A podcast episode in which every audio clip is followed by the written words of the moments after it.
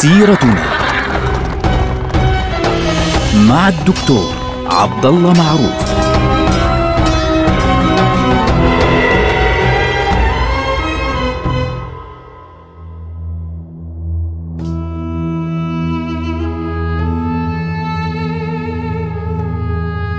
السلام عليكم ورحمة الله وبركاته. سيرتنا سيرة هذه الأمة ونحن الآن في عهد السلطان محمد الرابع.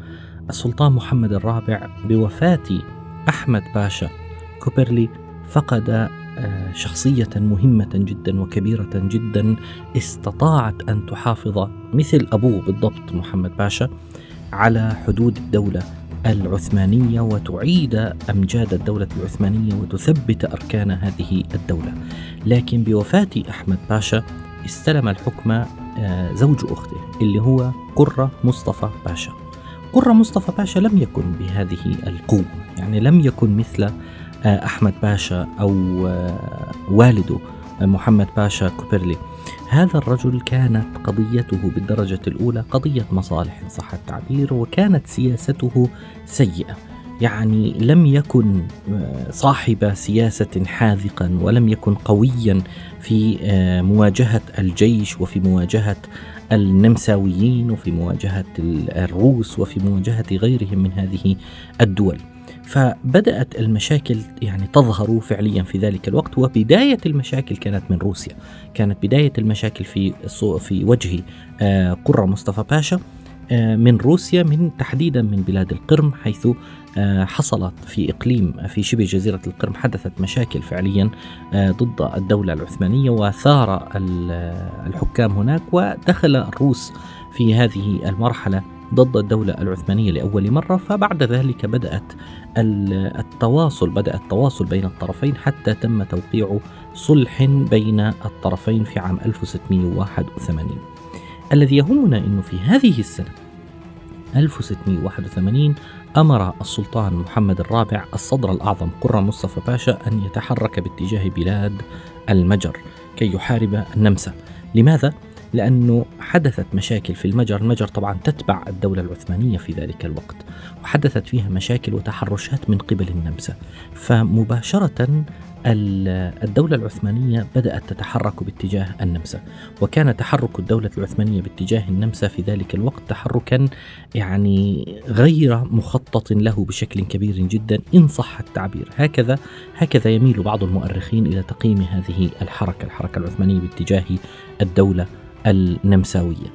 لكن أن مع ذلك تمكن قرة مصطفى باشا آه، من أن ينتصر على النمساويين عدة مرات.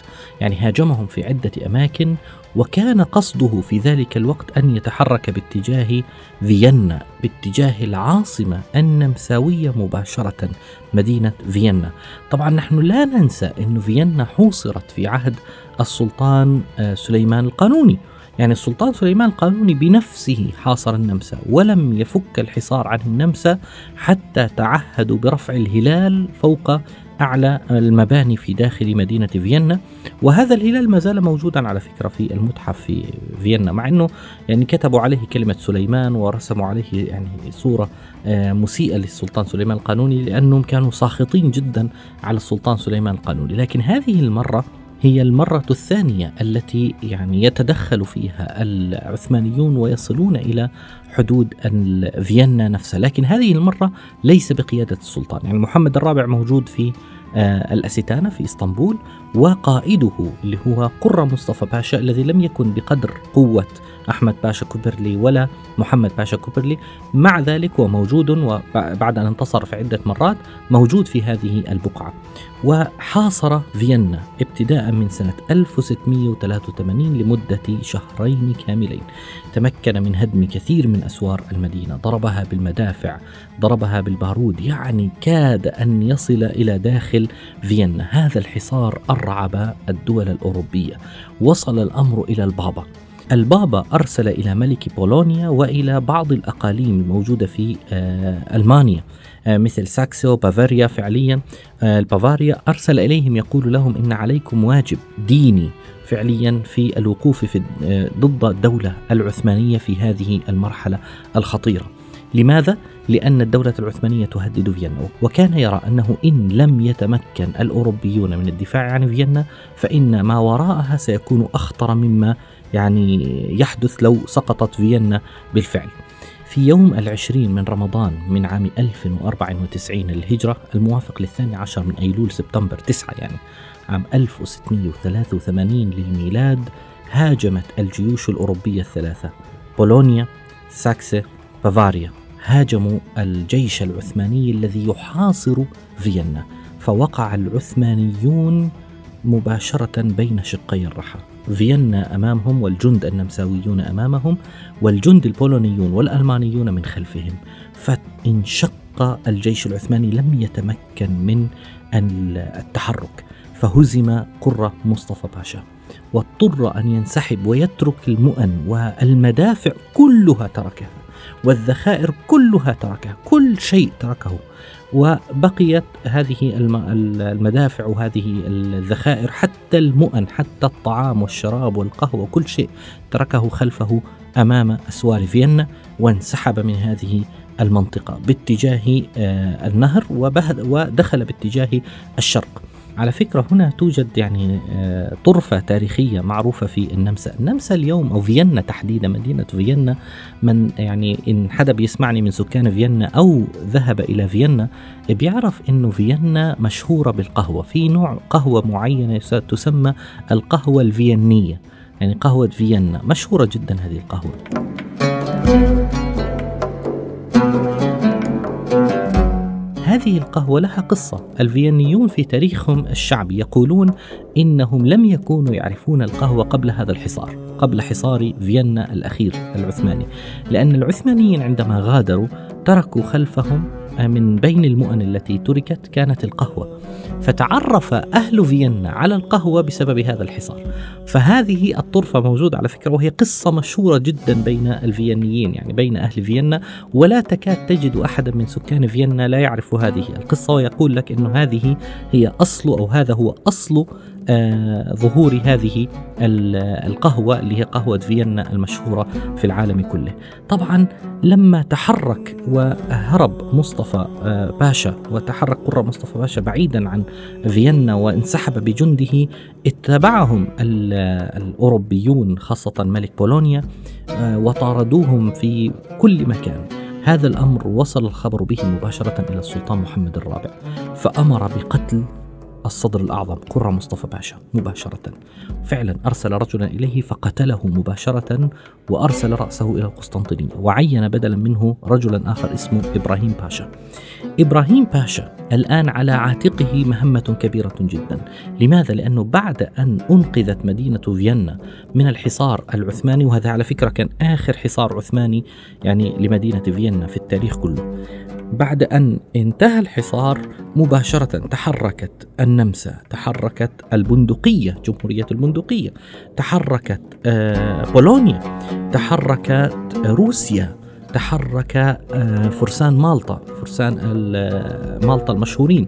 وحتى البابا تحرك يعني حرك أوروبا كلها وقاموا بتشكيل تحالف ضد الدولة العثمانية سموه التحالف المقدس.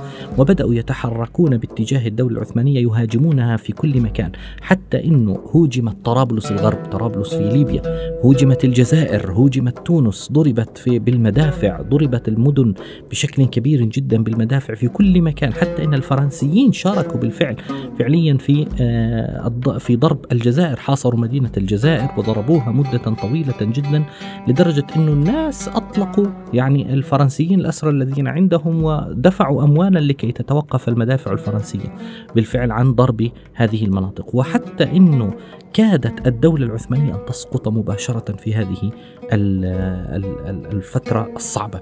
وحتى أن مدن اليونان يعني كادت سقطت تقريبا كلها بيد البنادقة بيد البندقية أهل البندقية. وتحرك النمساويون باتجاه بلاد المجر ووصلوا إلى مدينة بود وحاصروا مدينة بود في المجر. وبالتالي لما رأى السلطان يعني هذه الأحداث كلها ورأى أن الصدر الأعظم إبراهيم باشا لم يتمكن من فعل أي شيء أمر بعزله مباشرة وعين مكانه قائد الجيش اللي هو سليمان باشا. سليمان باشا كان رجلا يعني معروف بالشجاعة ومعروف بالإقدام لكنه الدرجة الكبيرة من الهجوم من كل مكان من كل النواحي من روسيا ومن النمسا من البندقية من كل مكان ضد الدولة العثمانية جعلته لا يستطيع أن يفعل أي شيء. ابدا. يعني حاول أن ينجد مدينة بود. يعني أول شيء فعله إنه حاول أن ينقذ مدينة بود في المجر لكنه لم يتمكن بالفعل. يعني سقطت هذه المدينة وانتهى وخرجت نهائيا من يد الدولة العثمانية. فسليمان باشا فكر قال يجب أن أفعل شيئا يمكننا من خلاله أن نسترد عظمة الدولة العثمانية. فجمع جيشا قوامه ستون ألف مقاتل ومعه سبعون مدفعا وتحرك بعد نهاية الربيع مباشرة إلى سهل موهاكس. طبعا سهل موهاكس ذكرناه في حلقة ماضية في عهد السلطان سليمان القانوني معركة وادي موهاكس المشهورة. كانت معركة كبيرة جدا في عهد السلطان سليمان القانوني ودمرت الجيوش الأوروبية تدميرا تاما. فتحرك آه هذا الرجل اللي هو سليمان باشا الصدر الأعظم ونزل في سهل موهاكس مرة أخرى لكي يحاول استرجاع النصر الذي حدث قبل 160 عاما في عهد السلطان سليمان القانوني. فالتحم الجيش العثماني بجيوش ما يسمى بالتحالف المقدس اللي هي الجيوش الأوروبية في هذا السهل يوم الثالث من شوال عام 1098 للهجرة الموافق للثاني عشر من أغسطس من شهر آه، آب 8687 لكن كانت النتيجة كارثة كبرى حيث هزم العثمانيون هزيمة كبيرة جدا وتمكن الأوروبيون من احتلال إقليم ترانسلفانيا وتحركوا باتجاه كل المناطق التي حاول العثمانيون أن ينسحبوا إليها. وصل الخبر إلى السلطان. وصل الخبر يعني كالصاعقة على آه، المسلمين في الأستانة. فطبعا الصدر سليمان باشا الصدر الأعظم آه، فعليا ثار عليه الجيش وكادوا يقتلونه وفر هو من وجه الجيش. فلما وصل الخبر إلى الأستانة اجتمع الوزير القائم مقام قرة مصطفى مع مجموعة من العلماء والمفتي وقالوا المسؤول عن هذه الهزيمة الكبرى بعد هزيمة فيينا ليس سليمان باشا وليس من قبله قرة مصطفى باشا وإنما السلطان نفسه السلطان محمد الرابع. فقرروا عزله تماما. فعزل السلطان محمد الرابع يوم الثامن من شهر تشرين الثاني نوفمبر عام 1687 للميلاد الموافق للثاني من محرم عام 1099 للهجرة. كان حكمه أربعين سنة. عزل وأبعد وبقي طبعا يعني مغمورا حتى وفاته بعد عدة سنوات. وولوا بعد حكمه مباشرة أخاه السلطان سليمان الثاني. نلقاكم على خير. والسلام عليكم.